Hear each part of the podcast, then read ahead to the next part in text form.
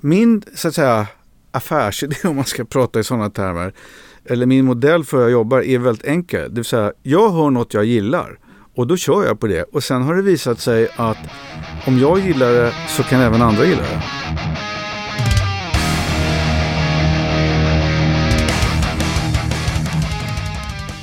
Då säger jag hej och välkommen till avsnitt 43 av Rockpodden.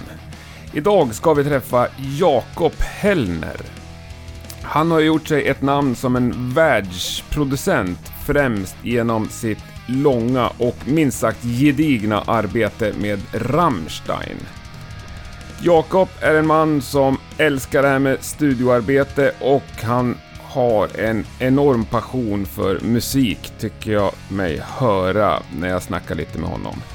Det här blev ett eh, mycket trevligt samtal tycker jag. Det satte igång i samma sekund jag klev över eh, tröskeln till hans studio. Så det finns ingen riktig startpunkt på den här intervjun utan vi kommer in lite mitt i sådär. Men jag tycker det blev eh, trevligt på något sätt.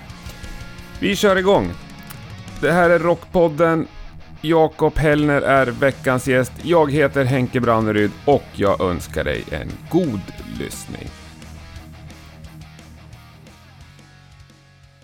En gång i tiden började jag som kaffekokare i en studio och, och den liksom erfarenheten av att få vara i en studio eh, liksom i non-stop nästan i ett års tid Mm. och bara stå bredvid och titta Mm. på. Det är ju liksom oslagbart. Mm. För att se hur du är i skarpt läge. Du, nu har jag ställt in en bra nivå här så jag låter det rulla bara. Ja, visst. visst. Ja. Men varför började du koka kaffe i en studio? Eh, Alltså det här är ju 30 år sedan. Därför att eh, då var ju Stockholm en väldigt stängd stad Ja. eh, i studievärlden. Och jag hade en kompis som, som hade samma drömmar. Och han stack eh, till en skola i San Francisco och pluggade till ljudtekniker. Och sen, där är det ju i, liksom assistentkulturen är Mm. mer påtaglig i England och Amerika. Mm. Och det är ju väldigt lätt att få in en fot i en, en, i liksom en studio. Så här. Det är bara att ringa upp och du får med största säkerhet Mm. får du börja om du inte är helt bakom flötet. Men Mm. du får inget betalt. Eh, och eh, gör du bara någonting fel så åker du ut liksom i huvudet direkt. Eh, så att, så att eh, men, men Kalle då eh, lockade dit mig och han och jag blev ju ett grymt team där. Eh, och Ja, men du hade den drömmen så att säga? när Ja, oh ja, oh ja. Alltså, jag kom ju från, från eh, liksom, ja, jag spelade trummor när jag var liten och, och, och eh, liksom, ett, och så liksom, jag tillhör ju punkgenerationen så att, så att jag spelade i punkband och, alla, och liksom i den vägen. Men någonstans i, i bakhuvudet så var det alltid ändå studiovärlden som Mm. liksom lockade. Jag satt hemma och lyssnade på Beatles-plattor som liten grabb och, och man läste ju liksom allt som, det lilla Mm. som stod. Men, Mm. men jag satt och stirrade ner i högtalaren och försökte förstå hur fan de har gjort Mm. det. Va? Så att den där, den grejen lockade mig eh, tidigt liksom. Så att, Var det liksom tekniken som lockade eller var, Nej, det, var bara det producent? hur fan är det här gjort alltså? Hur kan det... Ja, men det är lite ja. teknik. Ja, det är väl... det, är det jag menar ja. med teknik. Men, men, men sen har jag ju insett att eh, det, när jag har varit ute på skolor och pratat så, så pratar jag ju... Jag, jag, jag går in och säger att det ni lär här är helt ointressant. Mm. Ja, det är Och- bra pedagogik. Ja. Eh, därför att eh, det är som att lära sig cykla. Ja. Det är bara att lära er den här mjukvaran. Och, och, så här, det är, och ert viktigaste redskap när ni kommer ut och börjar jobba, det är ju er smak. Mm. Alltså det som skiljer dig från mig, eller tvärtom, det är för att eh, du hör något och du liksom reagerar utifrån dina känslor och din smak på Mm. hur du tycker att någonting ska vara. Eh, och jag letar efter den snubben om jag ska liksom ta in någon i, i mitt arbetsteam Mm. som, som liksom har få, fått grepp om de bitarna och så Mm. där man är på samma våglängd. Och även när man jobbar med artister, det, är- så alltså, det är ju, våra känslor är ju vårt främsta redskap. Mm. Och hur vi sen liksom omsätter det i vårt eh, kunnande. Det. Sen kan man ju träna upp, man Mm. kan träna upp både teknikgrejen och jag minns när jag började i studio och jobbade liksom dygnet om i ett års tid. och hur jag märkte att mina, liksom min hörsel förändrades. Då var jag ändå 25-26 år. Alltså man, plötsligt så har man ju tränat upp dem till ett mycket, mycket mer precisionsrikt Mm. instrument. Så, så att eh, allt, allt är ju liksom, det går ju att träna upp. Men producentrollen, tänker du det som två olika roller? Om du tänker rent studio teknikerjobben och producentrollen. Ja, det, det är två, det är i min Ja. värld- alltså jag ser mig själv som old school i dessa tider. Eh, mina förebilder som producenter är ju, alltså de, de fyra toppproducenter i min bok är såklart George Martin, Mm. Rick Rubin, Dr. Dre och sen rankar jag Roy Haley, Haley, Där Eh, faller jag bort. ja. Berätta. Simon and Garfunkel. Aha, ja. Eh, jag lyssnade bara senast häromdagen på eh, Simon and Garfunkels platta Bridge over Troubled Water. Och den är, det är ett mästerverk Mm. produktionsmässigt. Han var som en tredje medlem i bandet. Och de, från att, liksom, han tog dem från att bara vara singer-songwriters Mm. med ackgitarr till, till att behålla det men inju- injicera en helt ny dimension i vad de pulade Mm. med. Och han gjorde, jobbade ju med Paul Simon länge sedan in på 70-talet. Men old school. Ja, så att de, det är, där, alltså de är, den typen av producenter är, eh, vad ska jag säga, de, de har som en regissörsroll skulle man säga. De, har, de håller inte på med tekniken, de kan tekniken, förstår tekniken. Quincy Jones och Bruce Swedin är ju ett, Mm. ett sånt legendariskt radarpar också. Där Quincy, han är visionären och, Mm. och den som eh, fokuserar på att liksom plocka ut det bästa av artisten. Och Mm. det ser jag som arbetsbeskrivningen av en producent.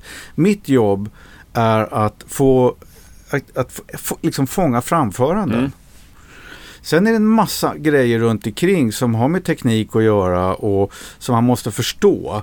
Och när man ska liksom lägga in dem det i, i processen. Mm. Men arbetsbeskrivningen för, för en producent det är att vara projektledare och att få folk att leverera när, Mm. när de ska leverera. Ja, jag är med. Men eh, det här med teknikerbiten, gör inte du det? Jo, alltså jag kan den biten Mm. eh, också. Jag sitter ju, sitter ju själv här framför Ja, det datorn. är lite och, därför och, jag blev ja, fundersam. Ja, just det. Eh, Så att det är klart att jag eh, har koll på det. Om, jag skulle, om vi skulle sparka igång en stor truminspelning här, Mm. då skulle jag inte göra det själv. Ja, okej. Eh, och, och, för då har jag folk som jag har jobbat med. Eh, som, som Tom van Heijs har jobbat med mig i tio års tid. Och då får ju Tom komma Mm. hit och rigga den. Och jag är liksom mer, jag är ju här. Men jag, jag, Du jag trycker aldrig på rec-knappen? nej, jag, jag lyssnar Ja. och har åsikter. Ja. Det måste vara ett fantastiskt roligt jobb om man älskar musik. Ja visst, det är grymt kul eh, att, att eh, hålla på med, med de här grejerna. Det är också det är ett väldigt svårt jobb. Mm. Eh, och jag, jag tänkte på det senaste, jag sitter och mixar en grej nu. Det, jag, det är så här fan, det känns som att jag måste uppfinna hjulet varje dag. Mm. Man tror att man har så här, ja men nu har jag grepp om saker och ting. Och sen så inser man att man har inte det. Därför att den, Vad håller du på med just nu? Ja, men jag- får, jag- får du berätta? Ja, jag, jag håller på, jag har lite grann de sista två åren skiftat min verksamhet. Jag, jag gör, producerar inte liksom riktigt på samma sätt som jag gjorde tidigare där det är band som kommer till studion eller jag, eh, så, ja, inte så mycket band utan jag är insyltad i projekt där jag är med och skriver. Så att, eh, och då har, har, jag har jag två grejer som är egentligen helt under radarn än så länge som ska förhoppningsvis komma ut här eh, senare i höst. Eh, men där, där jag har skrivit med artisterna och eh, det är sång, liksom, är sångare. Mm, kul. Eh, och jag har ju en ådra i, i liksom rockvärlden och uppväxt med hårdrock men, men jag har ju lika mycket en ådra i elektronisk musik. Alltså Kraftwerk är en annan hörnsten i, i, mitt, Mm. eh, i min tillvaro. Så att jag är ju, här, jag gillar bra musik Mm. och, jag, jag, och gör jag grejer själv så är den mer liksom maskinellt orienterad, liksom modern popmusik, vad det nu innebär. Men det, är- det är så man gör prylar. Ja, så det är ingen trumslagare på de grejerna du gör? Nej, nej för fan. Jag, jag programmerar liksom. Ja. Och eh, jag menar, jag, hiphop är ju, liksom, har jag också hållit på med. Det var, det var ju så jag, när, när vi var i studio i San Francisco, jag och Carl Mikael, då var det ju, det var ju speed, liksom lokal speed metal och eh, lokal hiphop som Mm. kom till studion. Mm. Så vi blev jättetidigt exponerade för de här grejerna. Det här är alltså 1986. Men det är en bra blandning. Ja, grym. Jag lyssnade på mycket speed metal Ja. 86 också. Så hade jag en storebrorsa som lyssnade på bara hiphop. Ja, ja visst. Ja. Nej, Ja, det men det är, det är så att det, det, det är eh, jätte liksom eh, bra kombo. Mm. Men, ja, men när du sa att eh, han var en tredje medlem i Simon Garfunkel. Ja. Kan man säga att du är nästan en, en extra medlem i Rammstein? Eh, det, periodiskt kan man absolut säga, Ja. säga det. Eh, det. Det måste jag nog eh, tillstå att eh, liksom, jag har ju jobbat väldigt nära dem och det är ju un, rätt unikt att eh, ett, en artist har jobbat så länge med Ja. en samma producent. Vi har gjort sex plattor tillsammans. Ja. Eh, och det, det, ja, det, det är unikt. Så det är klart att då lär man ju känna varandra väldigt väl. ja. Och det är inte så att de... Eller hur var det då för sjätte plattan, sista plattan du gjorde med dem? Ja, det Var det ens en fråga eller var det bara helt naturligt att du var med? Ja, det, det, det var helt naturligt. Och sen, sen dess, nu släpps ju här precis i dagarna den här, alltså vårt gigantiska eh, filmprojekt som vi har gjort med Jonas Ja, Åkerlund. jag var och kollade på den på bio faktiskt. ja, ja, vad tyckte du? Ja, Fantastisk. Ja, häftigt va? Ja, Den har vilken vi, film och vilken show. Ja. Jag har aldrig sett Rammstein. Och, Live? Ja. nej, men då har du... ja, herregud. ja, men de är ju något helt unikt. Ja, De, de är i en egen liga. ja. Det är liksom, jag, jag, jag var, för några år sedan var Lady Gaga i Stockholm och då ville min eh, äldsta dotter gå och kolla och, det skrevs så jävla mycket i tidningarna om liksom vilken fantastisk ljusproduktion bla bla bla Mm. liksom och vi gick till Globen och det var 14 000 skrikande tjejer och jag tyckte bara så här, jaha, vad är det här? Ja. liksom, så jag är helt, det går liksom inte att kolla på Nej. någonting annat nästan när man, när man har liksom varit så insyltad med, med Rammstein. Eh, nej men det här filmprojektet då, har, det har jag hållit på med i fem års tid. Mm. Så att, och jag, det är lite grann, eh, har jag känt att liksom nu, nu, här, här, nu signar jag ur. Men vilken roll är, vilken är din roll i det? Ja, jag har ju varit ansvarig för hela ljudbiten. Okej. Så det, det är ju Både live och inspelning? Nej, jag är inte med live. Alltså, Nej. jag, jag kör inte live-ljud med Men du var med och spelade in? Ja, jag var, precis. Jag riggade för att jag och Ulf Kruckenberg då, som är den eh, som jag har jobbat med i Rammstein-projekten, fick vara i Paris. Vi spelade in hela den turnén, alltså Mm. det benet på den turnén. Mm. Så att det var ju, ja, och de var i Stockholm några veckor innan vi vi spelade in i Paris och då, då eh, vet att Jonas hade ju liksom sin kameracrew här för att titta och det var liksom en enorm bara förberedelse så att alla förstod liksom hur fan vi ska tackla det här. Och sen när det väl var eh, Jonas hade filmat så började denna enormt långa resa av att färdigställa det materialet. Både från min sida sett och från hans sida sett bildmässigt. Och sen att får få det att lira på biograf eh, och, och liksom fatta hur vi ska mixa det för att det ska färdas på biograf. Ett tag satt vi här, vi har gjort det mesta här eh, Men så hade vi någon kontakt liksom, så vi lyckades få komma in på biograf på Filmhuset. Så vi satt här och mixade, åkte upp till Filmhuset och, och Ah. lyssnade för att se liksom, hur fan färdas det här. Då? Funkar det i... Och det var ju liksom, vi kliade oss i huvudet rejält. Då. Men till slut så liksom knäckte vi hela prylen och eh, vi mixade färdigt det här i Berlin i en, en filmmixstudio. Men sen, ja, det, liksom, jag skulle kunna prata i tre Mm. timmar om det. Mm. Men, men eh, det var en enormt lång resa och jag har inte jobbat heltid med det i fem års tid, men mentalt heltid har jag gjort det. Du har aldrig kunnat släppt det? Nej, mentalt? nej. Det, det, nu när den kom ut på DVD, vilket den gör, tror jag, gjorde för en vecka sedan. Okej, Då kan man känna liksom Ja. att det, det är över. du kan bocka av. Ja, jag bockar av. Och lite grann är det så här att jag, jag bockar av alltså, jag, eh, Rammstein som ett, liksom så som vi har jobbat. Ja. Eh, och om vi möts igen så, så får det bli på liksom ett nytt sätt. Du kommer inte vara med på nästa platta? Inte, inte som det ser ut idag. De, de har känt samma sak och jag har känt samma sak. Att liksom det, det är så här. Sen kan, vet inte jag vad, vad, hur, exakt vad som pågår i deras värld. Och det är möjligt att det är, de syr ihop det där och det är möjligt att de, vi kanske börjar snacka igen. Men då måste, oavsett hur vi liksom gör så måste det bli på, på ett nytt sätt. Mm. Vi var en extremt liksom väloljad maskin som vi slipade ihop under det här, alltså med mig, Florian och uh, Ulf då som liksom producent och teknikerteam. Vi, vi slipade ihop det under tio års tid. Mm och tre, fyra plattor eh, till och med. Mm. Från Mutter var det vi eh, tre. Det blev, och det var jättebra för att liksom, det, alla visste precis vad de skulle göra. Mm. Det var bara att trycka på start mm. så gick hela liksom, produktionsapparaten igång. Men, men det, är liksom, det är inte läge. Alltså, så som vi jobbade var bra då. Men skulle man göra en platta idag så skulle man behöva bara göra på något annat sätt. Mm. För att bara landa på ett annat ställe. Mm.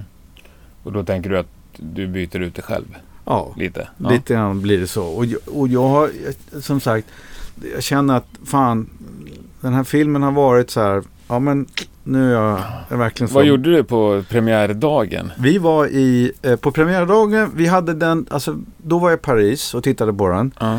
Men den stora balunsen var en vecka tidigare i Berlin, den 16 mars. Då okay. hade vi en visning på, eh, inte på en biograf utan på en ett ställe som heter Fol eh, Folksbyne som är som Medborgarhuset. Mm. Så att där var vi, vi var där i tre dygn innan och liksom gjorde om denna konsertlokal till en biograf. Okay. Eh, och det, alltså, ing, alltså, allt i Rammsteins värld är stort, komplicerat och problematiskt. Det, men jag blir ändå imponerad av att dra igång sådana där sjuka projekt. Ja, alltså. ja. Och sen så gäller det bara att stå pall. Och min fråga blir som, drar de in så in i helvete Ja, men de är en gigantisk... Uh... Jo, men den här filmen, hur många... Den visades på... Den visades under eh, en dag. Ja. I 1400 biografer. Eh, 100 000 försålda biljetter. Och sen så gick den upp Alltså Stockholm visade den ytterligare några, under några dagar. Ja. Och i Tyskland gick den i tre dagar tror jag. Ja. Liksom, och, och, och sen kanske lite extra visningar. Jag har inte hört några siffror exakt. Men, men, och de får, de får inte tillbaka pengarna. Eh, som de har investerat. Nej. Men, men de här samma sak som vi gjorde något år innan där. Och, alltså ett parallellprojekt med ja. den här filmen har ju varit den här dokumentären. Eh, som heter Rammstein in America. Mm. Eh, den var, kostade också en förmögenhet. Men eh, de har ju nått en sån punkt där det handlar mer om att eh, vad som är bra för varumärket eller inte. Så att även om de, alltså jag hade hur många kompisar som helst som inte egentligen har något förhållande till Rammstein och sen så låg dokumentären uppe på SVT mm. Play och så började folk kolla och så konstaterar man att det här är ju sex mm. jävligt mm. intressanta människor. Mm. Och deras historia är helt fantastisk. Mm. Och är, var så här, ja men fan när de kommer nästa gång måste vi gå och se dem. Och från att de spelade ju på Bråvalla förra sommaren och då var det 40 000 personer som stod och kollade. När de var där två år tidigare så var det 15 000 mm. personer som stod och kollade. Eh, så att de det, det hand, deras metod är bara, det ska bara vara kvalitet. Det får nästan kosta vad det kostar vill. Mm. Det ska vara kvalitet och det ska gagna liksom varumärket. Ja, det är ju imponerande med ja. ett så pass och inga, gammalt alltså, band. In, ja, inga kompromisser. Nej. Det är bara ända in i kaklet. Men är det roligt och stimulerande eller Ja, det är, ju, det är ju skitkul. Men man, man blir ju bortskämd också. Ja. Men alltså, det jag ändå tänker på också. Jag tänker på massor. Men hur less är du på de där låtarna? Nej, men musiken är jag inte less på. Du är inte det? Nej, det är, är bra musik. Ja, det är klart att, men jag har ju hört... Det, det är ju ändå ganska monoton sådär. Ja. Tycker jag. Ja, men det är ju liksom hela prylen. Ja. Uh, uh, jag tänker på de här fem åren, du måste ha hört de här låtarna. Ja, för fan. men vi har ju hört, vi kan, jag kan ju varenda liksom ja. trumslag. Och du har på, spelat in dem först också. Ja, i, ja visst. Och sen har plattorna. vi jobbat med dem och, och knådat och petat mm. på dem. Men alltså jag ledsnar inte på det där, att liksom, utan jag, det handlar bara om att Men om du är på en fest, då Nej, springer inte du fram nej, till datorn och drar nej, på Rammstein? helvete, då går jag därifrån. Ja, Eh, jag lyssnar, ja, alltså när jag jobbar med någonting då kan jag lyssna på det mycket som helst. Mm. Sen när det är färdigt Mm. och ur mitt system, då lyssnar jag inte alls. Jag, jag gillar inte att lyssna tillbaka på plattor. finns ingen du går tillbaka och lyssnar Nej, på? inte så här. Jag har, jag har gjort det några gånger så här och Ja. konstaterat så här, fan vad bra, flera gånger. Ja. Jag hörde eh, faktiskt på en efterfest i Berlin för några år sedan till någon spelning Rammstein hade gjort. Så stod vi ute på någon balkong och, och rökte och så hade de har alltid liksom då någon DJ som står och kör låtar. Mm. Och så hörde jag så fan, det här är något, någonting som låter jävligt bra där inne. Vad spelar de nu? Så öppnade dörren och så var det Clawfinger de lirade va? Från första plattan. ja, som du har gjort. Ja. Ja. Och bara, så, fan vad bra det lät. Ja. ja, men det väl skönt. Ja. Tillåta var, sig det själv var att en, känna så. Ja, det var en grym känsla. Ja. Så att, men jag är, alltså jag är maratonlöpare i, under mina produktioner. Mm. Eh, liksom, jag kan höra på det hur många gånger som Mm. helst.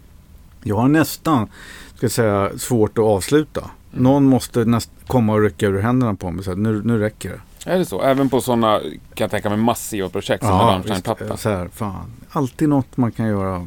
Men är det ljud du vill pilla på eller är det spelgrejer? Nej, eller? framförandena är, är, går oftast relativt snabbt. Ja. Eh, det är liksom efterarbete, mixandet. Alltså Mm. det här handlar ju om, nu har jag haft eh, förmånen att, att jobba med en av världens bästa mixare, Stefan Glaumann. Men, men liksom, vi, kan ju, vi kan ju verkligen sitta jättelänge. Mm. På Rise Rise hade vi 47 mixdagar. Men då, då gjorde vi nästan en och en halv platta, 17 låtar. Mm. Hur nördigt kan det bli?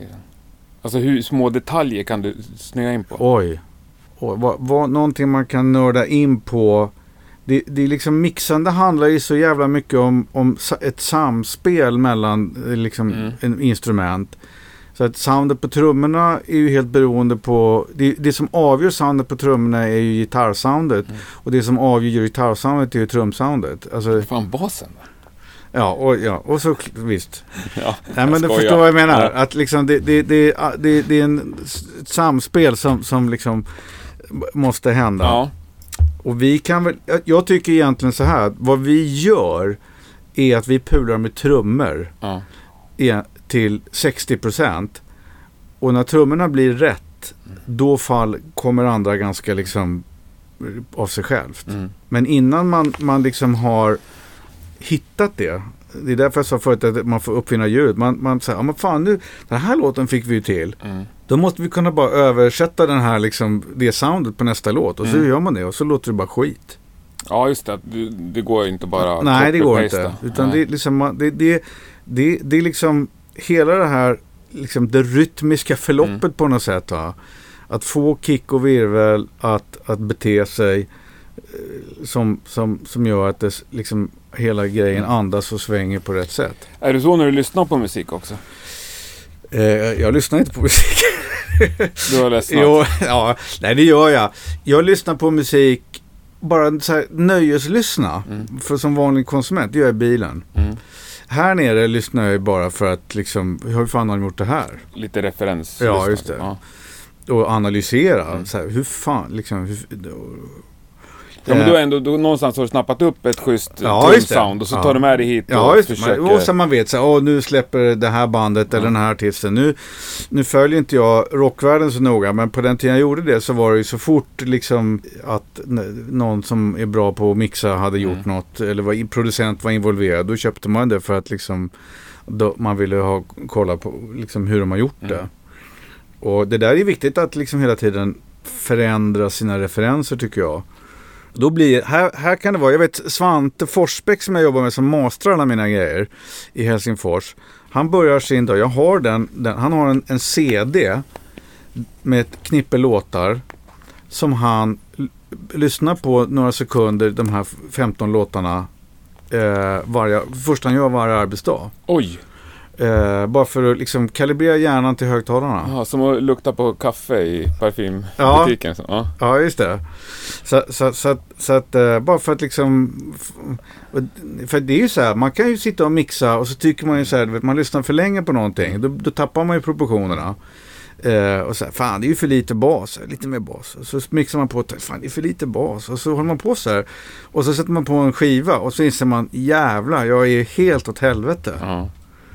Eh, så att det är mera för att liksom bara ha någon reality Ja. check. Det finns de som klarar av att, att, att liksom, som känner sina högtalare så pass väl att de hör direkt om de ligger snett eller inte. Men det utgår från att du gör också.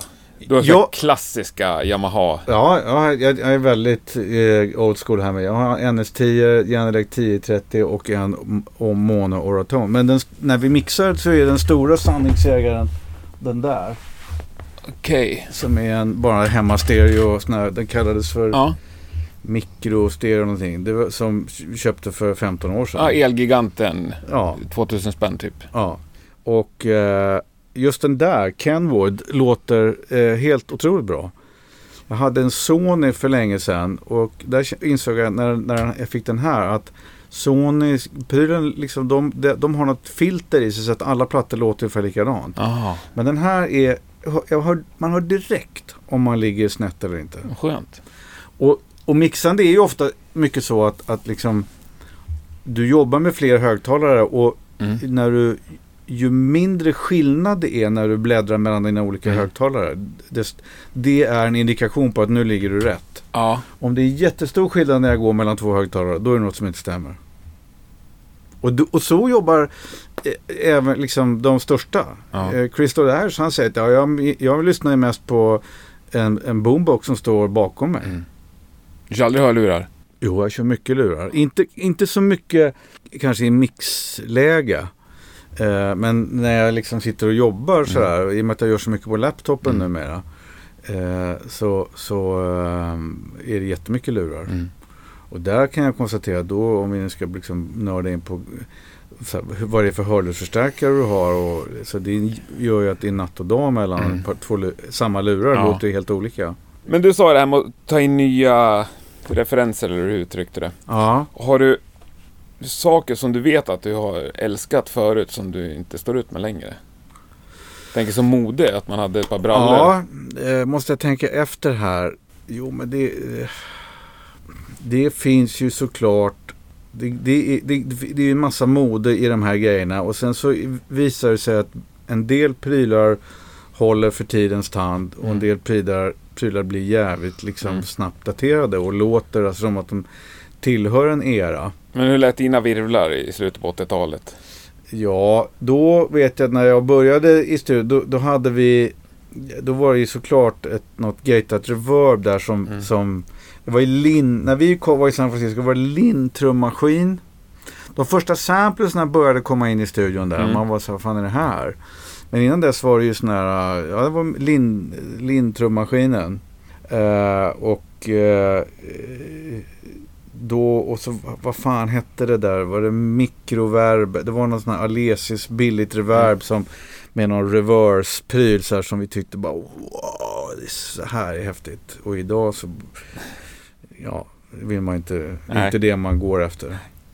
Nej, just, just jag är också stor fan av trumljud och Ja. lyssnar otroligt mycket på trummor. Och det finns skivor som jag avstår att lyssna på Ja, på så grund av dåligt trumljud. Yngwie Malmsteen är ett ganska bra exempel.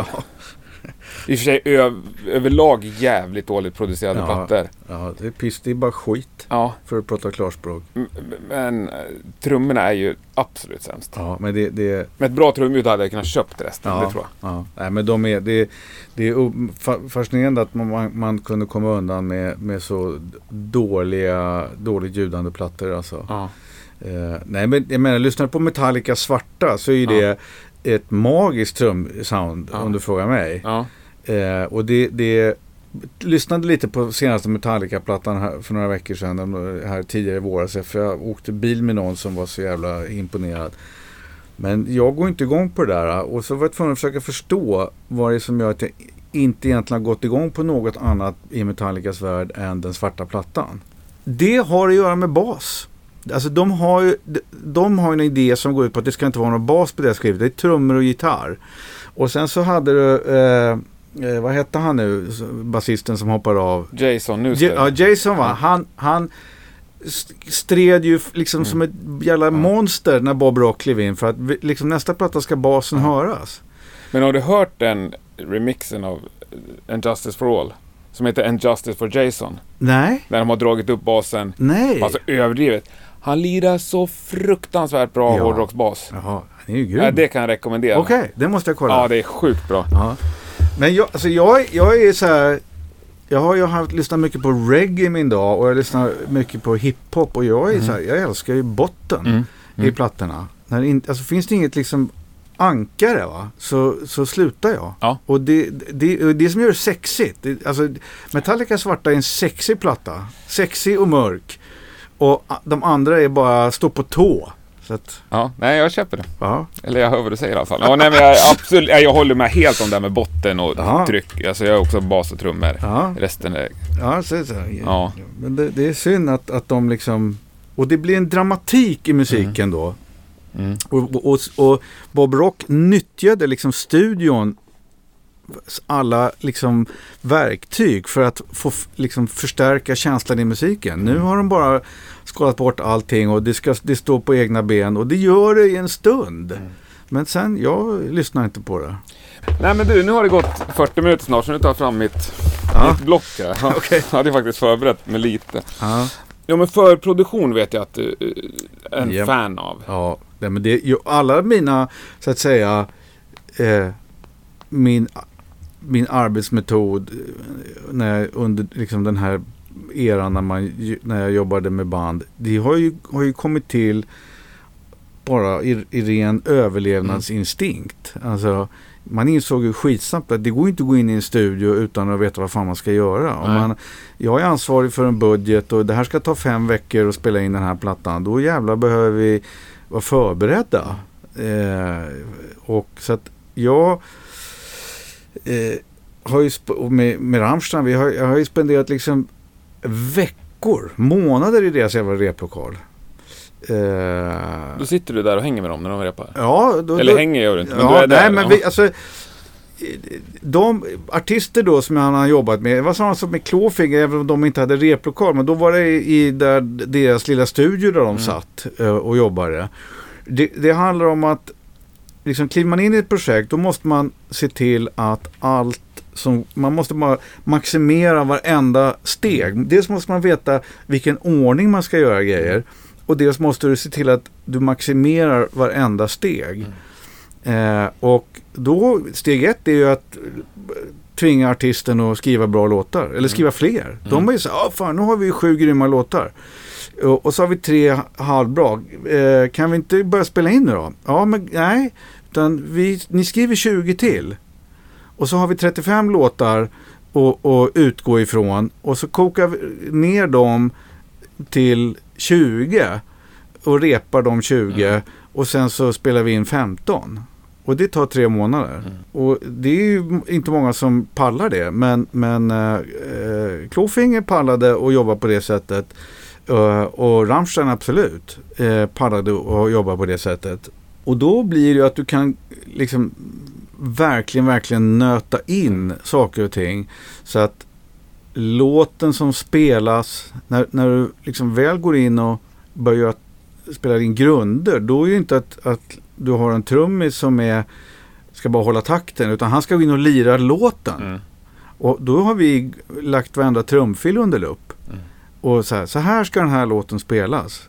Då blir det, det blir en helt annan process. Men lämnar du inga fönster öppna så att säga?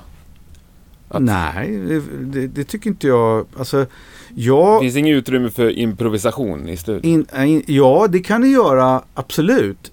Det beror på liksom, om vi, om vi tänker liksom att det ska spelas in trummor. Om vi, ska, vi, ska, vi har en, en vecka på oss att sätta 15 trumgrunder.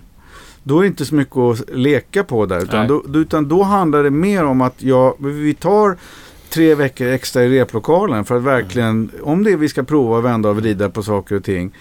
Jag menar, det, det så här, jag, allting är ju, spelas ju utifrån ett tempo som, det är inte alltid man spelar till klick. Men, men om du, många gånger gör man ju det. Numera är ju trummisar jävligt duktiga på det. Jag menar, eh, så var det inte förr i tiden. Det var ju plötsligt, det var ju jättesvårt. Men det är inte alltid jag har gjort det. Men även så så har man ett starttempo. Den här låten ska ändå ha en, en inräkning i 78 bpm. Mm. Därför att då, och sen får den liksom leva sitt liv. Mm. Men vi har kommit fram till att börjar man där, då, då blir det liksom, då är det Alltså varje låt har ju en själ och mitt jobb är ju att på något sätt jaga fram den Mm. själen i låten. Och då behöver jag, jag behöver tid för att liksom verkligen tränga mig in i materialet. Gud, jag har fått tusen frågor här på varje utläggning du gör. Men eh, det här med som du sa, nej men vi måste skriva mer låtar och så. Den makten så att säga, som Mm. du har. eh, Har du avtalat dig till den innan? Har du snackat igenom det innan du går in i ett projekt? Eh, ja, alltså metoden har ju, i, i, alltså det handlar ju om att jag har ju fått ett förtroende. Mm. Och jag tänker verkligen, verkligen göra allt för att leva upp till det förtroendet. Mm. Och att, att liksom, jag har ju varit gästmedlem i en massa band. Det är ju så jag ser det. Under Mm. en period får jag kliva in i, i deras liksom, innersta där de håller på och pular med det de gör. Mm. Och, och det måste man ju möta med en enorm respekt. Och är det så att man eh, säger rätt grejer och inte fel grejer i replokalen och, och, och artisten fattar att här är någon som faktiskt säger bra prylar. Då, då kan man få jobba upp det där Mm. förtroendet. Och sen är det ju också så att eh, med tiden, alltså vi snackar ju nu från sent 80-tal till kanske för fem år sedan. Mm. Det vill säga ja, 20, drygt 20 års tid som jag har, Mm. har liksom finslipat den här processen. Till slut så först, har man ju förstått att så här gillar jag att jobba och då kan man ju bara i början säga att så här jobbar jag. Mm. Och ska vi ho- hoppa i säng med varandra så, så då blir det på det här sättet. Annars är det bättre att ni Mm. jobbar med någon annan. Men det kan man ju komma överens om med folk och sen så blir det inte så bra i alla fall. Nej, det, har, det finns några exempel, jag ska inte nämna några namn, men där, jag, där man har börjat och sen, sen har det bara inte klickat. Ja. Eller jag har inte insett komplexiteten i den här artisten. Eller artisten pallar inte eh, och, och göra det på det här sättet. Och, och, utan, ehm, och då, och då, då har det inte funkat. Nej. Eller, eller jag har trott att jag ska kunna i, liksom göra det på ett sätt och sen har jag inte lyckats. Det, jag menar, jag, någonstans måste det finnas en kemi, en personlig kemi mellan, mellan eh, eh, mig och bandet. Som gör att jag känner att fan, här, här kan jag kliva in och bidra med något. Mm. Här finns en öppning. Mm. Jag blev, hade, blev uppvaktad för några år sedan av ett, ett eh, delvis amerikanskt, europeiskt, någon slags industrimetal-grej. Eh, och de ville ha in en producent och, och de skickade över massa låtar. Och jag bara så här, du vet, de har gjort demos som är som skivor. Mm. Så här. Och vad, vad, jag, vad ska jag, vad är min öppning in i det här? Ändå sätter vi oss ner från noll Mm. och gör prylar tillsammans. Eller så, eh, ja, det fanns liksom ingen öppning och, och de fattade det till slut. Mm. De, och de, det var tur att vi inte liksom började någonting för att det hade gått åt helvete. Har du varit delaktig i några andra stora projekt som eh, inte har gått omkull för det är inte så kul? Men alltså som inte finns utgivet? Oj, eh, inte utgivet. Det, alltså det är en, jag är en, en, en väldigt så entusiastisk och optimistisk person och har klivit in i ett antal projekt och är väldigt riskvillig. Ja. Eh, och det har ju liksom gjort att jag ändå har liksom fått jobba med en massa artister som det har gått väldigt bra, mer eller mindre bra för. Mm. Men det är ingenting som inte har blivit utgivet. Sen finns det några som bara säger varför fäste inte det här på? Det är ju jätteroligt att höra. Ja. Fistfunk. Ja. Den lyssnade vi tillbaka på här. Ja. Och vet, de var ju ett Limp Bizkit. Ja. Fast ingen fattade det. Och de, jag ska säga att de låg på fel skivbolag. Och, och, eh, men de var ju hur bra som helst. Ja. ja, jag håller med. Jag lyssnade på dem för ett par veckor sedan senast. Ja. Och det, det håller som fan.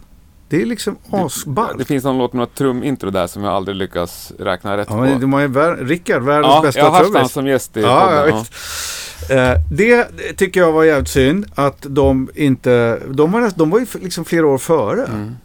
Eh, och de var inte där Clawfinger var egentligen. De var på ett annat ställe. Mm. Clawfinger var först och Mm. gjorde en pil.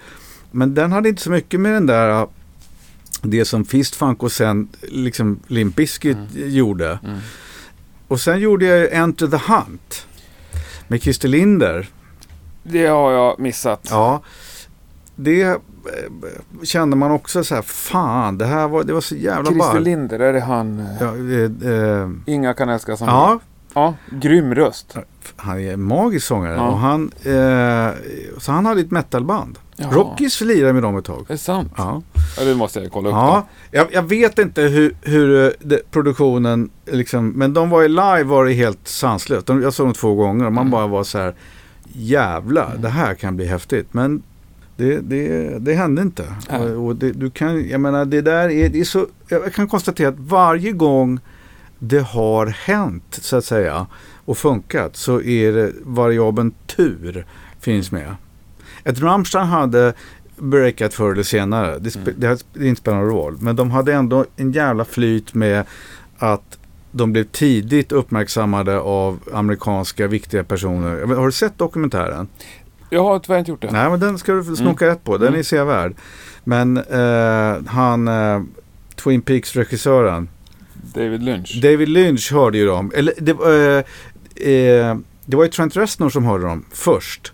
Han direkt hörde dem och han, och han gjorde var insyltad i någon slags musikalisk musikkonsult till eh, Lost Highway. Mhm. Och han sa, fan du kolla in det här tyska bandet. De borde ha med i filmen. Mm. Så att, så att eh, Men hur stora var de när du tog dig an dem? Rammstein, Ja, de, jag gjorde deras första platta. det var, de fanns Nej. inte. De, de, var, de, var, de hade blivit signade av Motor Music. Jag hade gjort Clawfinger. Mm. Vi snackar då 1991 eller Mm. 1990 eller vad det nu vad jag gjorde Clawfinger. Och där kände man ju tidigt liksom när vi redan höll på att det här, det här liksom, nu, vi ligger jävligt rätt liksom i, i, i, i, i tiden med det. Eh, och det blev ju snabbt som fan stort. Mm. Och Per Kviman navigerade dem klockrent till att bli eh, stora i Tyskland. Det var en massa andra människor involverade också. Men Per har ju, har ju verkligen gjort ett jättejobb med dem. Eh, och Rammstein hade precis blivit signade. De hade, klassiskt, de hade vunnit en rockbandstävling i Berlin. Fått studiotid och gjort några demos. Och hade giggat och hade en manager, Emanuel. Eh, och blev signade av Tim Renner till Motor Music i Hamburg. Eh, och de skulle ha en producent. Och eh, Rammstein kommer från Östtyskland. Att ha en producent från Västtyskland, det var liksom ej förhandlingsbart. Nej, alltså, nej. det bara, glöm det. Mm. Vi vill ha någon utifrån. Och de var så här, hela tiden har varit så, någon utifrån. Och då tittade de först på massa engelska producenter. Men eh, den kulturella skillnaden mellan England och Tyskland eh, blev väldigt påtagliga när, de här engelska producenterna kom till Berlin Mm. för att träffa Rammstein. Det var bara en eller två. Eh, samtidigt hörde Richard eh, Clawfinger och tyckte att det här lät jävligt ballt Mm. och uppmanade deras skivbolag att ta kontakt med mig. Och de hade först kontaktat mig med eh, en annan artist. Som eh, någon etablerad tysk hårdrocksartist som ville uppdatera sitt sound. Vad hette han? Philip Boa. Och eh, jag lyssnade på det och kände att det här vill jag inte kliva in i. Sen några månader senare hörde de av sig och så var liksom Ja men vi har en annan artist som vi vill prata med dig om och jag liksom, vad fan, typ låt mig vara. Jag var Mm, mm. jävligt cocky. Eh, men de skickade de här eh, tejperna till mig, en eh, kassett som någon, ligger och skräpar någonstans med deras första demos. Och eh, ja, de, de var inte bra men, men det var ändå någonting i dem som jag kände, men det här, fan, det här kan ju vara, skulle kunna vara något. Och så övertalade de mig att komma till och titta på dem på en klubb i Hamburg. Och det gjorde jag, vad nu, jag har berättat den här storyn så många gånger, jag kan datumen nu. Det var i december 94. Mm.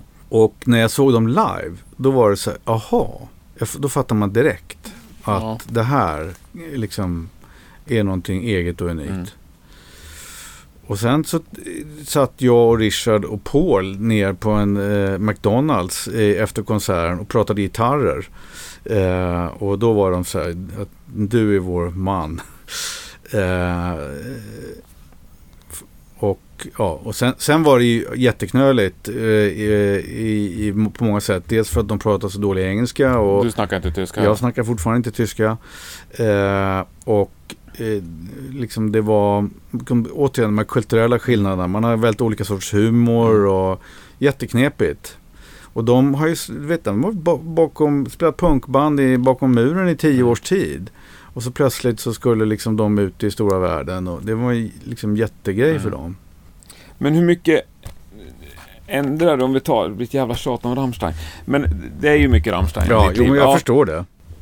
När du ändå hör låtarna eller tänker på dem, kan du tänka på så detaljer som du har, ah, det där har jag, det där är liksom mitt eh, fingerprint. Ja, det, det eh, absolut. Det finns en massa sådana grejer. Jag vet att det finns eh, massa gitarriff mm. som de har sågat. Och som jag har sagt, det här är svinbra. Det här måste ni göra en låt på. Eller en, alltså massa låtar som är så här, men fan, de, de eh, jag gjorde, jag och Till gjorde kören på Man gegen Man. Eh, på egen hand. Är du med och sjunger på plattan? Nej, nej, nej. Men, men liksom hela, jag, hela den grejen. Liksom så som han, hela den, mm. det arret med den kören. Den låten hade jättelåg ranking. Och eh, även, och sen när vi spelade upp det där, då var det så här, vad fan har ni gjort nu? Liksom, det, det kan vara så himla mycket snurr i bandet här. Nu är den liksom en, en eh, standard i repertoaren. Mm. Mm. Riffet på lås är ett sånt riff som, som eh, Eh, också så här, äh, fan det är för likt det riffet och, mm. och jag var så här. Nej men det är ascool och det är ascool med den här låssamplingen och med den här att du har en text som, som liksom spelar mot den samplingen. Mm. Uh, Ishville-samplingen som ligger har jag har lagt mitt fingeravtryck på. Så det finns en massa ja, sådana ja, ja. uh, grejer. De kommer säkert ha en annan uppfattning om du skulle fråga dem. Men, men jag vet dig. för min egen del hur, hur, vad, vad, vad, liksom... Men, men hur... hörs du på någon skiva någonstans? Nej. Aldrig? Nej. Lirar du någonting? Nej. Blir det ingen frustration där om du ska förklara något? Nej, fan. Jag, det, det har jag. Jag är... Alltså, vad, jag, är, liksom, jag är uppväxt med att lyssna på musik. Ja. Jag har lirat, men inte så mycket. Men det är ju svårt att förklara i ord då. Framförallt om ni har lite så här språkförbistringar, tänker ja, jag. Ja, men där har man liksom... Eh, där tycker jag att man har... Där har man ju liksom tränat upp mm. sitt, sin vokabulär mm. för det. Och, och jag menar, någonstans så går det ut på att jag... Min, så att säga, affärsidé, mm. om man ska prata i sådana termer eller min modell för hur jag jobbar är väldigt enkel. Det vill säga, jag hör något jag gillar mm. och då kör jag på det. Och sen har det visat sig att om jag gillar det så kan även andra gilla det.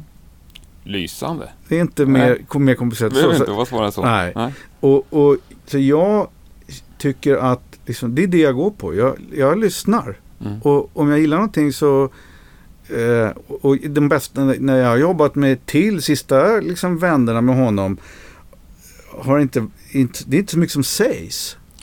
Utan man har vissa så här, ja, idéer om vad det är man ska göra. Sen spelar jag, gör jag en massa tagningar med honom. Sen sätter jag mig och klipper ihop det. Och om vi pratar fingeravtryck så, är, så är, är, hävdar jag då, eller liksom där är en jättestor mm. grej i mitt arbete med mm. till. För det är där du styr hela liksom, känslan i låten mm. i hur jag klipper ihop mm. hans sångtagningar. Mm. Häftigt. Men sen har du gjort lite dödsmetaller bara sista åren. Ja, vi, vi har alltså vad har vi gjort för grejer här? Jag gjorde en platta som jag är stolt över är ju Apocalypticas World ja. Collide. Worlds Collide. Det är nu också, allting är så länge sedan, det är tio år sedan. Mm. Eh, men den tycker jag blev jävligt häftig. Det är nog deras bästa platta för, faktiskt. Ja. det är klart att du tycker det. Ja, ja. Nej, jag skojar. En Tomb ID gjorde du? Ja, så gjorde vi. Vi hade en Tomb här för eh, ett och, ja, när fan det nu är, är det två år sedan ja. Det, tiden går ju. Nej, det är det hårdaste du har gjort. Ja, det, jag vet inte. Det, det, det är så här, jag, jag tänker inte på det liksom i, i så här hårt eller mjukt eller så här. Ja. Men, men de, är, de är ett grymt, de är ett bra band och de har potential, potential att bli riktigt bra. Ja. Om de eh, fattar hur de ska jobba. Ja. Så, eh, och att de vågar lägga ner liksom, tillräckligt med tid på det. Men, men LG är ju liksom, han uppfann ju prylen. ja, han är ett unikum. Ja, Ja. det kan man säga. Varenda dag. ja. För de är ju ute och turnerar sjukt Ja, hårt. de har spelat som fan. Alltså, det, jag, jag var och käkade lunch med Nico för några veckor sedan. Då skulle han precis åka till Malaysia och spela. Ja. Och sen Australien. Så att, så att eh, det är, det, och det, Per Kviman återigen som, som liksom kan sjösätta dem på det Mm. sättet. Så att och det, återväxten i den här branschen är ju dålig. Det får man ju faktiskt Ja. säga. Ja. Eh, och det är ju jävligt tufft för band i, i dagsläget. Att jag liksom, det, det är ju en av anledningarna till att jag inte gör så mycket band längre. Det finns inga pengar. Alltså, det är välgörenhetsprojekt ur en inspelning. Va? Så man har jättelite pengar att röra sig med och sen ska det ändå vara världsklass på slutresultatet. Det går inte. Så att, så att, eh, men, men i och med att återväxten är så dålig så, så kan man konstatera att det, om man tittar på så här management-sidan och att det här liksom förvaltandet av varumärken är ju en jätteviktig grej. Mm. Och för den som lyckas så, så kan det ju en som har ett alldeles utmärkt eh, levebröd. Mm. Och ett, ett band som Entombed absolut har ju möjlighet att fylla upp den liksom, luckan. Och Backyard Babies också. Mm. Ja, de har väl också gjort Ja, det på slutet. Ja. Jag har gjort två plattor med dem. Mm. ja, det är schysst. Men du, du har ju vunnit en massa priser också. Ja, inte så mycket. Med några grammisar. Jag har vunnit en Grammy. En Grammis. Ja, det är, det är egentligen det enda jag har vunnit. Jag, jag tycker inte att de där... Jag, jag, är, liksom, jag är ingen nostalgiker. Jag är... Det där med priser är av ring... Det är kul i stunden. Mm. Det är kul att få uppskattning för det man gör. Men eh, jag, jag kan säga en av mina absolut bästa lyssningsögonblick med Rammstein. Det var när jag hade varit och mastrat Mutter i New York med Howie Weinberg. Och jag fick med mig en, en, en CD som jag gick hem till hotellrummet och satte på på den stereon som var där. Mm. Jag minns det fortfarande. Det var liksom Björn Borg-ställning i 45 minuter. För att jag var så jävla nöjd. Hur fan står Björn Borg? Ja, det var ner på knä. Jaha, du menar så. Ja. Eh, så att, så att eh, det liksom, då, då var jag nöjd. ja. Härligt att Ja. känna så. Ja. Liksom, fan vad bra det blev.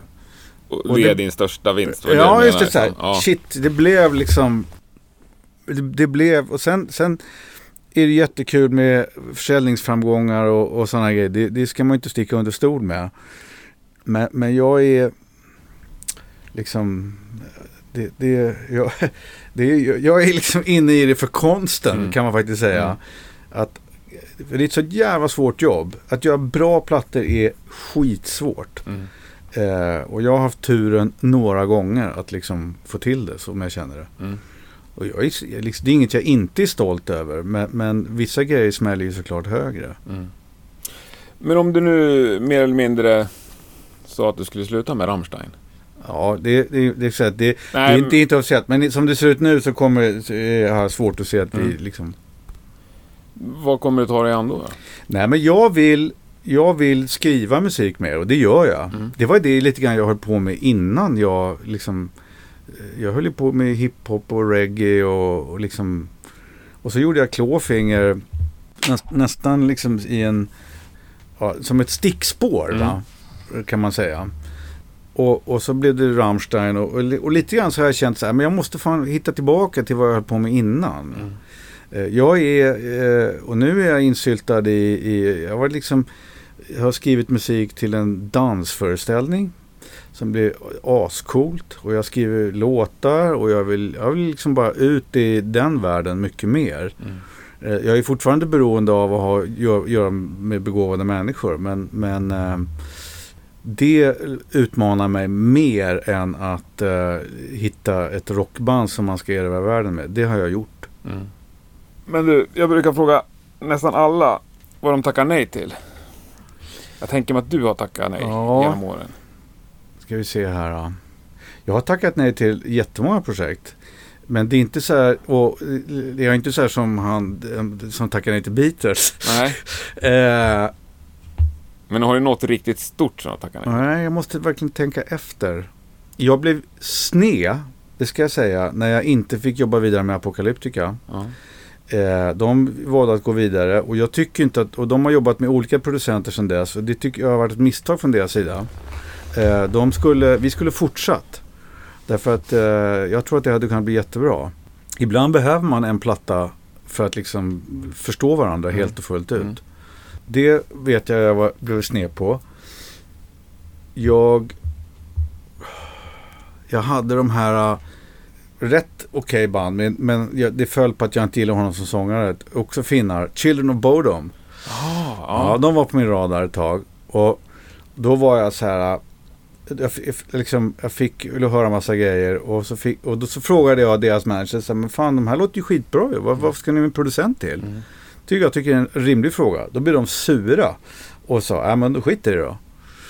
Och sen var jag, träffade jag någon i London strax efter det som sa, men fan Jakob, du skulle vara perfekt för dem verkligen. Eh, och då gick jag tillbaka till dem och sa, ja, jag pratade med den som tyckte verkligen att jag skulle jobba mer och kanske vi ska prata igen. Mm. Nej, men då, de har hittat någon annan. Då. Eh, men han är, han är en jättespännande gitarrist. Men, men de är... Eh, grejen är så här va. Att om man tittar på mig och Rammstein. Vi är inga hårdrockare. Alltså, eh, när jag var i Berlin senast. Den stora höjdpunkten då. Det var ju inte att eh, filmen hade premiär. Eller, utan det var att eh, Richard hade fixat plåtar till Depeche Modes privata spelning. Det är liksom, jag, jag hade Metallicas privata spelningar, ja, det var okej. Ja. Men Depeche, Ja. nu börjar vi snacka. Tusen pers. Eh, fanclubspelning som streamades eh, i en helt magisk lokal eh, som jag har spelat in orkester i. Som heter, den, ja, den, det är alltså forna östtyska radions parad. kons- Eh, in, alltså det är typ deras Berwaldhallen. Mm. Fan vad coolt. Nej, det var så jävla bra som jag nu spelade nya, från nya plattan. Eh, och jag menar vi är, det som är schysst med mitt möte med Rammstein är just det att vi egentligen, vi gillar hård musik. Mm. Vi gillar, vi har lätt för att liksom komma åt aggression i att, i, när det gäller Mm. musik. Men vi är inte så intresserade av hårdrock. Nej. Vi gillade, när jag, jag liksom och Richard började snacka så konstigt vi gillade båda Metallica svarta och så gillade vi Ministry. Som eh, var Mm, eh, liksom, när de, innan de knarkade sönder sig. Mm. Eh, och i viss mån Monster Magnet. Som också, power, deras powertrip-platta håller jag som Mm. en av de bästa rockplattorna. Mm. Skitbra. Men i övrigt liksom så är ju inte vi, det är liksom ingen som är så här skinnpaj och, och långt hår och nitbälte. Utan vi är ju allihopa ett, ett gäng välartade medelklass-snubbar som gillar Mm. hård musik. Mm. Ja, och, och det- gillar mycket olika sorters musik. Men det är väl också...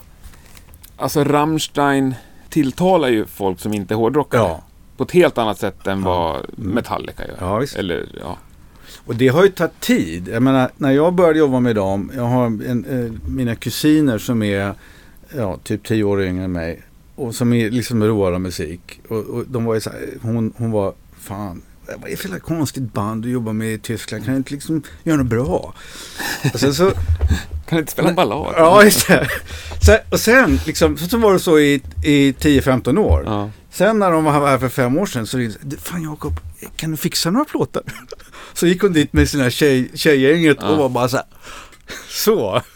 Och nu eh, liksom tycker jag, har förstått det va. Mm. Och jag ser ju skiftet i publik också under alla år med, med Rammstein. I början, det, var, det har alltid varit så jävla roligt att kolla på fansen. Jag, Nästan så fort jag ser dem live försöker jag alltid röra mig utanför liksom, arenan. Mm. För att bara få, eller gå in och titta. Liksom, vad, vilka är det som är här? Och i början var det ju bara snubbar med liksom, nitbälten och skinnpaj och långt hår. Och, och så här, lite working class. Mm. Eh, den, deras östtyska publik. Mm. Och nu är det ju familjefest. Mm. Och, och, och jag tror ju att va- varför, varför Rammstein når en stor publik och varför ett Metallica når en stor publik. det är därför att du har frontmän som visar upp en mycket större palett än, än känslomässigt än vad det liksom standardmässiga eh, hårdrocksångarna gör. Ja, möjligt. Intressant tanke. Ja. Men jag menar varför är Metallica i den där vågen av band det största? Jo, för att de har James Hetfield. Därför han uttrycker liksom mer på ett djupare sätt i sina texter och i sitt sätt att sjunga. Sen har de grymma riff och alltihopa. Ja. Men eh, liksom han är den som skiljer dem. Ja, jag säger inte emot det. Nej. Men jag... Ja. Därför, varför går brudarna igång på honom? För han, jag- är, han, är, han är en stor tuff man som visar mjuka sidor också. Då vet du. Och det är samma sak med Till Lindemann. Till Lindemann attraherar ju även, liksom, jag har så här manliga polare som bara är så här, fan vad snygg han Det är. låter helt sjukt, jag Ja. förstår nästan det. Ja. Men han står där med sin jättekuk och sprutar Ja, ut ja visst. publiken. Och han är Ja. så här, bara, han har tränat, liksom, han, vet du, han är en Ja. gammal olympisk simmare. Är det sant? Ja, han tillhörde ju, han är, han är en Obelix. Mm. Alltså han är ju uppväxt på anabola steroider. Han skulle simma OS i Moskva 1980. 80, ja. Men, han, han simmade, eh, han, han simmade maratonsträckan, vad är det, 2500 meter någonting va? Vet, det är bland det mest brutala i Ja. idrott överhuvudtaget du kan göra. Och han gick i skola två timmar på morgonen, så simmade han hela dagen och så gick han i skola två timmar på eftermiddagen. Eh, Riktig östtysk. Ja, bara stenhård. alltså. Ja. Och så piller och sprutor i parti och minut utan att han ha aning om vad det var. Eh, och, och så han sa att han, han, han simmade och blundade. Eh, för han, han ville bara räkna simtag. Han vet hur många tag, Ja. För de bara låg hela dagarna och körde fram och tillbaka. Så att, Det är därför han De- gillar det här lite monotona musiken. ja, och sen, och sen det här med att späka sig. Va? Ja. Det de har ju alla, Kristoff har ju varit tre år i militära. Mm. Så att liksom de, de, eh, det här, de, liksom, de kan utsätta sig. De Ja. gillar den där, den prylen. De vill ha pisk. Ja, det är underbart. Ja, för fan. Nej, men vi måste försöka prata om någonting annat också. Ja. Jo, men vilken del av en inspelning är roligast? Oj. Jag tycker, eh, jag tycker det är egentligen allting kul. Det, att jag kan känna, numera så är jag inte så insyltad i, eh, jag, jag sitter inte och tragglar gitarrtagningar eller trum, bastagningar. Det får, det får någon annan göra. Mm. Beroende på vem det är som är med i team, liksom har mig kring mig. Jag är med och eh, är, lyssna, liksom jobbar för produktionen. Mm. Jag är med när vi sätter liksom grunder. Och sen, och sen så håller jag ett vakande öga på liksom vad som händer i övrigt och ger godkänt och så. Men jag sitter inte och liksom jag är för gammal för att sitta och hålla folk i handen och göra gitarrtagningar. Sen eh, sång, gör jag.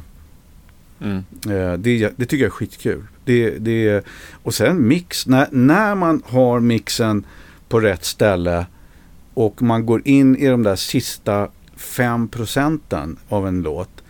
Där man verkligen börjar åka liksom de här små, små nyanserna för att det ska bli en låt. Mm. Eh, det är skitkul. Eh, verkligen. Och jag, jag tycker liksom, jag, jag älskar att jobba med sångare och, och den här, jag, jag har ju liksom någonstans od, eller gett näring åt min icke-musikalitet i mitt sätt att jobba. Så jag gillar ju det- här med, jag, jag skiter i de där tekniska prylarna. Mm. Jag vill bara så här, det här ger mig den här känslan. Mm. Eh, och, och då behöver liksom då, jag skiter i hur du gör det men jag, liksom, det där gav, det, det lät schysst, det kändes bra. Så att, att bygga det utifrån det perspektivet, inte så här, nu ska du liksom lägga sången med, med brösttonerna här, alltså att vi sätter den här höga tonen. Det- Jag, jag har aldrig sådana termer. Och till, han är han är ju en, så här, egentligen en, en grym sångare som inte kan sjunga. Mm. Men det gör ju honom unik. Mm. Han, han, han, han vet ju inte hur han gör. Kan, det går inte att köra autotune på honom till exempel. Det kan man göra med vissa sånger, men det går inte på honom. Han sjunger ibland entoniga melodier som ändå har melodier. Mm. Feuer, runt Wasser sjunger han egentligen bara en ton så här. Men, men det blir ändå en melodi. Mm. För att ja, övertoner och vo Mm. vokalerna och såna här grejer. Så att det, jag älskar att, och det är väl det jag har lärt mig från Rammstein, att, att liksom de, beroende, alltså vissa typer av, av musiker kan vara så här jättekontrolliga i vissa lägen och sen kan de ändå släppa taget och bara nu är det mitt performance som gäller. Kristoff är grym på det och Richard är också och inte minst till Lindemann. Mm. Eh, och sen finns det en massa andra som man har jobbat med också. Eh, Eika är jättegrym på det och Mikko är magisk trummis i, i Apocalyptica. Mm, Mikko mm. Sirén. Alltså han är en av eh, fan världens bästa trummisar. Han är helt sanslös.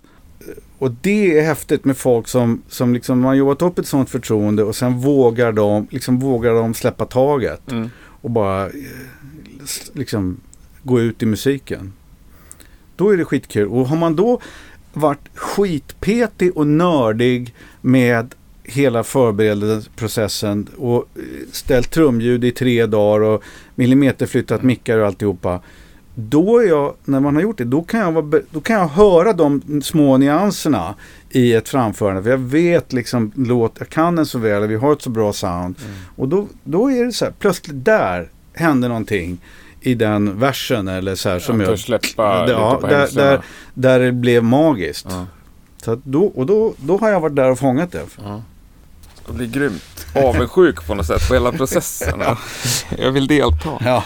Men jag kan säga, att sitta och traggla gitarr, eh, jag älskar gitarrister, det är, Mm. inte, det är inte det.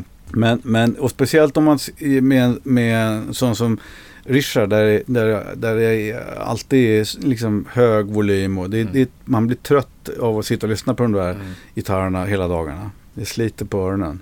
Ja, det kan jag tänka mig. Alltså, man, jag tänker mig att du är helt slut i skallen efter en... Ja, oh ja. Man, alltså, man, vi år har jobbat, de, de sista branschanplattorna vi gjorde då, så, eh, Libys Farda, Reise Reise och Rosen Råtfyr, men den var ju mittemellan, och Mutter, då, då var det liksom, du vet det är så här sex veckor projekt Mm. där man jobbar 12 till 14 timmar om dagen och kanske är ledig en dag.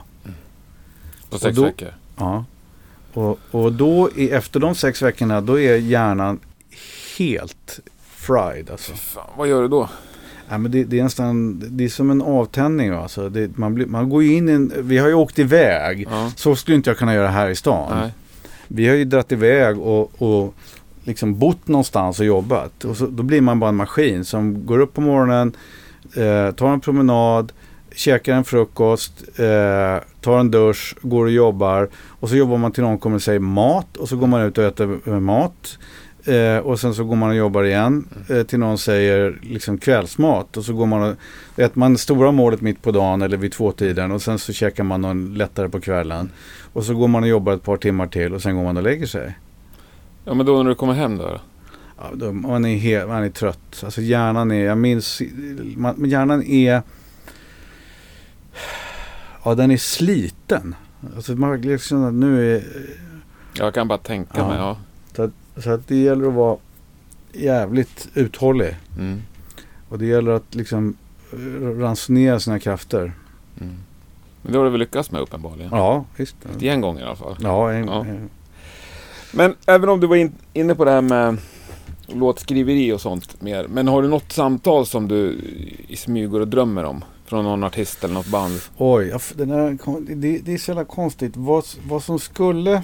Ja, eh, jag har ju spelat in Corey Taylor en gång. Mhm. När han gästade på Apocalyptica, den Mm. plattan. Det är en sångare man skulle vilja jobba vidare med. Fan vad han är bra. Mm. Och det har inte, som, jag kan inte Slipknot eller Stone Sour tillräckligt bra. Men man känner bara så här att fan, det här har inte han eh, fått visa riktigt i andra projekt. Han har liksom inte visat hela paletten. Han är hur bra som helst. Men vet han om det? Har, har du... Nej, det, det har jag, inte, jag faktiskt inte gjort. Eller vi har inte haft någon kontakt sen. sen eh, eh, och jag, jag tycker inte kanske Stone Sour är så här askul. Men, men eh, om man skulle sätta honom i ett sammanhang. Så att, säg att man skulle låta eh, Richard och eh, Corey Taylor göra en platta tillsammans. Mm. Då skulle jag vilja vara med. Mm. Vi tre skulle sätta oss och Mm. hamra fram prylar. Det skulle vara askul. Men du, du jobbar inte på det sättet att du liksom lägger fram de typerna av idéerna? Var- Ja, jag har eh, det har ju hänt. Alltså jag lyckades få, med, få till Lindemann att gästa på Apocalypticas platta. Ja. Eh, Och det är ju liksom han, det är ju, har, gör ju inte han i princip. Nej. Eh, Utan det var väl enda gången. Eh, det har ju varit några sådana grejer. Vi har, vi har haft ett, eh, vi har en fortfarande levande idé men den, har- den har förändrats genom åren. Det som är ett orkesterprojekt som, där, där liksom metalmänniskor eh, ska kliva in och, och ägna sig åt orkestrala prylar. Mm. Och det är jag och Per Kviman som, som, som har eh, hållit på med det. Och det hade en, ett ansikte under en period men sen eh, föll det bort. Eller liksom det, det, det, ja, det bara, det, vi fick det aldrig liksom att lyfta här. Det var precis på G förra sommaren och sen så... eh, Pff, det är dåligt. Men nu, nu har väl, håller jag sakta säkert på att blåsa liv i det igen men utifrån ett lite annat perspektiv. Och jag letar efter egentligen en, eh, en dirigent snedstreck arrangör Mm. som är road av metal. För att Mm. metalfolket vill absolut göra det. Mm. Det skulle vara, eh, det är det liksom ett sånt projekt som jag har bökat och stökat med länge. Och det ser man ju att det finns massa människor som nu går in i orkestervärlden Mm. och gör eh, Det är ju något jätteambitiöst projekt på Sweden Rock nästa vecka. det. Är De det? satt ihop en eh, symfoniorkester och så är det sex olika sångare. Jaha. Kommer inte ihåg, men Jolin Turner vet jag med. Men, är det, och- men det är något utländskt? Eh, Nej, jag tror att det är en specialgrej bara för Sweden Rock. Ja, vad ser man?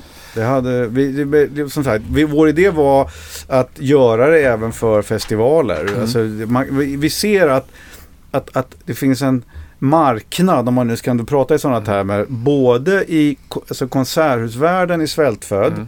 på nya grejer. Och eh, gör man det på rätt sätt så finns även festivalerna, Mm. liksom, du kan göra på Rock am Ring. Mm. Och Apocalyptica gjorde ju en sån grej i, för några år sedan i samband med Wagners 100-årsminne.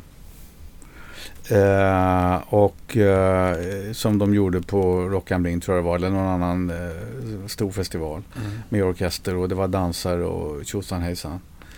Så att eh, det finns helt klart ett sug efter den typen av Mm. projekt. Mm. Det tror jag. Ja. Alltså hårdrock, hårdrockare om vi nu ska benämna oss så är väl överlag jävligt musikintresserade. Ja, och släktskapet mellan liksom den or- orkestrala klassiska världen och hårdrockvärlden är rätt liksom uppenbar. Mm. Kanske mer än med popvärlden. Mm. Ja, det tror jag. Sättet att bygga musiken och, och dramatiken och i, i, i det hela. Mm. Har du några svenska band du tycker är underskattade? Eller inte har fått den... Öh, oj, ehm, Du lyssnar knappt på musik, sa jag. Det- jag är, nu ska jag tänka efter här. Eh, det finns alltså eh, de, de som är bra har ju fått eh, uppskattning. Har du någon producent du tycker inte har fått sitt erkännande? Eh, jag, vet, jag, jag håller sån jävla dålig koll. Mm. Eh, Nej, man behöver inte svara på alla frågor. Jag har, jag har ingen... Eh, jag, jag konstaterar bara att i, i, oavsett om det är så att säga, pop eller rock eller hårdrock så, så är det ju en del eh, producenter och en del mixare som man, när man hör någonting man gillar så är det så här, "Ja, aha, det är han som har gjort det. Det är den och den Att som det har gjort ofta är samma namn. Ja. Ja. Eh, jag kan konstatera att mixmässigt idag så är kungen över alla är Manny Maroking. Eh, och det är så här, hur fan vad han gör bra prylar. Vad gör han för något då? Jag som inte Han läser har gjort eh, eh, Rihanna. Ja. Alltså han gör, han gör eh, mer popgrejer men Mm. han gör dem jävligt jävligt häftigt. Eh, han har gjort den överlägset bästa låten på Weekends senaste platta nämligen Starboys, Daft Punk-låten. Mm.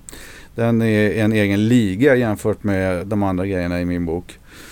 Och han, eh, det är väl egentligen de som jag eh, eh, tänker på. Sen finns det numera, alltså vi, om vi går tillbaka till det här med vad, vad som är en producent. Va? Idag är ju det, det är så många som bara, i min bok bara är beatmakers. Som Mm. är så och jag, i hiphopvärlden så är det, I'm a producer liksom. Mm. Då ser man bara en beatmaker. Mm. Eh, det är en jävla skillnad på att kunna göra ett bra beat till att faktiskt liksom driva en produktion, om det bara är en låt, Mm. och, och ta den i mål från ax till limpa.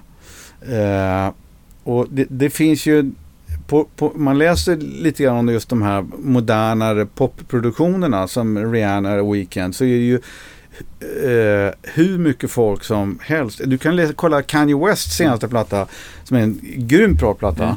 Eh, så ser man att det är liksom en skog av människor Ja. som är insyltade. Och någon gjorde bastrumman och någon gjorde virveln och, och, och sen mixade någon. Oftast sitter, är det Jag har bara hört om det. Det sitter Ja. hela team som bara skriver brygger och... Ja visst. sitter ett annat team Och, så, och, så, och, så, och de liksom så här, uh, ja men fan vi tar den versen med den bryggan. Alltså Ja. det är ett helt annat liksom Ja. tänk kring hur man eh, liksom bygger ihop prylar. Jag menar, Max Martin är ju kungen av det där va. De Ja. har ju, sitter ju bara med en eh, stor jävla bank av grejer som de liksom... Men kan du förstå hans storhet till exempel? Ja, alltså han är ju han är ju en grym melodi. Han är en producent verkligen i det Mm. avseendet att han att han liksom kan ta det i mål. Han kommer ju också från hårdrocken. Ja visst, men det är Ja. ju alla som, som, det är jättemånga som kommer därifrån och, och eh, liksom har varit duktiga i massa andra läger. Men, men hans för, liksom, begåvning är ju dels hans melodikänsla men också att, att liksom att han bara, han ger sig inte. Man, vi är ju envisa typer liksom. Det gäller bara att hamra på någonting till, till, till man liksom, nu är det liksom Mm. där det ska vara. Och det kräver ju en enorm uthållighet. Jag är imponerad. Har du någonting du ser fram emot? Ja, alltså Ja, i och med att jag, jag, jag är väl liksom inne här i en, som jag sa förut, en, en omställningsperiod. Jag har till exempel nu mixar jag mer själv. Jag mixar helt i datorn. Och jag har, har spenderat det här sista året med att bara bena ut hur, liksom, hur jag vill jobba. Och jag har, jag har liksom grejer som, är, som jag vill få färdigt och vill liksom få ut. Jag vill, jag vill inte nämna några namn här ännu. För det är inte sä- säkert vad de ska heta. Eh, eh, men det är väl det att jag liksom i- får göra, li- liksom, att, jag får, att jag får göra liksom de här grejerna som jobba på det sätt som jag vill göra framgent helt Mm. enkelt. Bara. Mer insyltad och vara med att äga projekten. Att, Mm. vet, att ett skivbolag ringer upp mig och nu ska vi göra en platta och vi har 150 000 i budget. Men det ska låta som 3 miljoner. Mm. Eh, det liksom är så här, nej men då kan jag fan. Då, då försöker jag förkovra mig på det som jag har gagnat mig långsiktigt eh, hellre. Mm. Även Du har om- inget inbokat sådär? Som Nej, alltså Nej. det är, det är ing- inget som är... Det är en massa liksom lösa trådar för tillfället och Mm. det känns jättespännande. Vi har, det har, i, I vintras så sa, snackade Per om att en tum ska spela in en platta innan midsommar. Men det förstod vi rätt snabbt att eh, det kommer ju inte bli. Nej, nu, då får de skynda sig otroligt mycket. skilja sig. Eh, Men vi hoppas att de kommer in här efter sommaren. Mm. Det, det skulle vara jättekul. Eh, f- ja, väl förberedda och med bra låtar. Det vore askul. Sen, eh, eh, vi, vi pratar, om vi pratar ändå svenska artister som jag, så är jag, ju, jag är ett stort fan av eh, Meshuggah. Alltså, eh, de är ju bara, gör ju sånt satans brutalt häftig musik. Och de blir bara bättre. Ja. Det är riktigt, riktigt bra. Och Opeth också. Mm. Se, har jag upptäckt sent i livet. Ja, Men Opet började ju inte riktigt där de Nej. är nu. Nej. Jag kan dem inte tillräckligt bra, men jag bara Nej. inser att eh, Micke Åkerfeldt är ju en, en gigant. Ja, verkligen. Nej, de har väl gjort en ganska drastisk förändring i musikstil Ja. genom åren. Om man tänker på Meshuggah som ändå kör. Ja, de st- står De på och bara liksom... snöre. ja, ja. Ja. Bara förädlar liksom den här... um, deras jazzmetal, Ja. liksom matematisk jazzmetal Ja. på något sätt. Jättehäftig musik. Ja, verkligen. Ja, men då får vi se till att jobba med dem då. Ja, nej, men det, det, det, jag tror inte att de egentligen behöver en producent, om jag ska vara uppriktig. De gör, de, de, det funkar, och det behöver inte Opeth heller. Jag vet inte, kanske att det skulle bli en kul krock om man, om man liksom gick in med ett rent skrivbord. Mm. Men, men eh, så det är ju det är två svenska artister som jag tycker är jävligt bra. Sen var de här som eh, eh, gjorde en återkomst, vad är de heter nu då? Det är, är det Fireside med han Lyxzén? Nej, då är de... Nej, det är Refused. Det är Refused. Eh, De gjorde den där låten som eh, eh, Shellback producerade. Mm. Den tycker jag var asbra. Det är ett bra band. Mm. De, och även, jag såg, jag såg Fireside en gång. Det var svinbra. Ja, de har också gjort reunion nu. Ja. Mm. Sen vet inte jag om de eh, liksom gör... Eh, men det här var ju när de liksom var på banan första gången. Så man eh, fattar hur, hur, hur bra de är. Andra svenska band jag, som jag såg live här för något år sedan som jag eh, skulle gärna faktiskt jobba med så är In Flames. Ja. Eh, men när jag, jag tycker ju inte att de har varit, skivmässigt har jag inte gått igång på det. Det lilla jag har hört. Av de här senare grejerna. Ja, Jag kan dem för dåligt men det jag såg live var Ja. så här shit vad bra. Mm. På, på den här äh, Marshalls telefon-event på Mm, Berns mm. för ett och ett halvt år sedan. Mm. Körde de några låtar och det var liksom riktig käftsmäll. Mm. Men det, det har, det, jag såg och hörde där, den känslan har jag aldrig fått när jag lyssnade på det på skiva. Riktigt, riktigt bra var det. Mm. Coolt. Men du, då tror jag att jag önskar dig lycka till. Ja, Tror tack vi för det. avslutar någonstans där. Ja. Nu vaknar vovven, så Ja, är nu han perfekt. på att dra ner Han är ju van att gå här över sladden. Ja, visst, visst. Stort tack för att du fick komma hit. Ja, jättekul att ha det här. Fantastiskt trevligt. Ja, Det där var veckans avsnitt av Rockpodden. Stort tack för att du har lyssnat. Nästa vecka är vi tillbaks på ett eller annat sätt ifrån Sweden Rock Festival. För jag är där just nu när det här läggs ut och spelar in avsnitt för fulla muggar.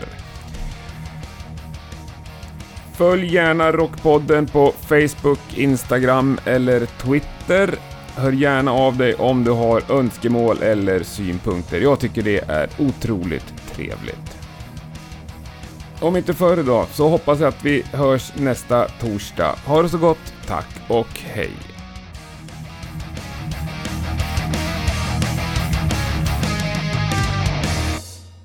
Har du någon i Musik-Sverige som du tycker får komma till tals för sällan?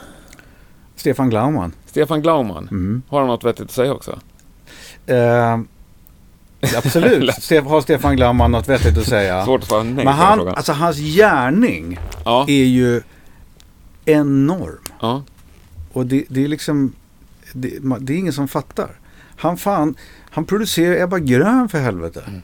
Och är, är med fortfarande och eh, mixar och har gjort så jävla mycket bra prylar. ja. Då får jag researcha lite på honom och så tar det någon Ja. gång i höst. Ja.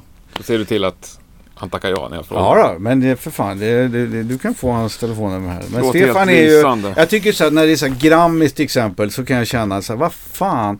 Liksom, även om Stefan, han skulle bli jättenervös av att stå där för han Mm. hatar uppmärksamhet. Men liksom, han har gjort, gjort otroligt Mm. mycket. Oscars har man ju alltid någon sån där som Ja. får för, för sin, liksom över tid, Ja, ja, sin ja. insats. Men finns det inte det på Grammis nu också? Men det är bara Men nu kändisar liksom, som får det här, nu är det så här, Lale får producentpriset. Mm. kan jag känna så här, ja visst. Men då har man liksom, då har man en annan uppfattning om vad producent är. Jag säger inte att hon är en dålig producent. Men hon är, hon är nog rätt producent för Lale. Men du känner inte att ni har samma jobb? Du och nej, Lale? nej. Och, inte, och det är liksom, om vi ska prata arbetsbeskrivning till producent så, så tycker jag liksom att, att eh, då borde man utifrån min beskrivning så borde man på Grammygalan titta på det på ett annat sätt. Mm. Men det handlar, det är så många andra variabler som spelar in. Mm. Det är bra, eh, liksom, vet, tar du bort alla artister och, som får priser och tittar vilka som är, så att säga, äger projekten, skivbolag och Mm. sånt, då framgår lite en annan bild. Och, Ja, det är ganska tajt och, så är, och så ska alla vara nöjda. Ja, ja det också. Så här, liksom, de ska få något och de ska få något. Och, Ja, härligt. helle Welt verwirrt. Mann gegen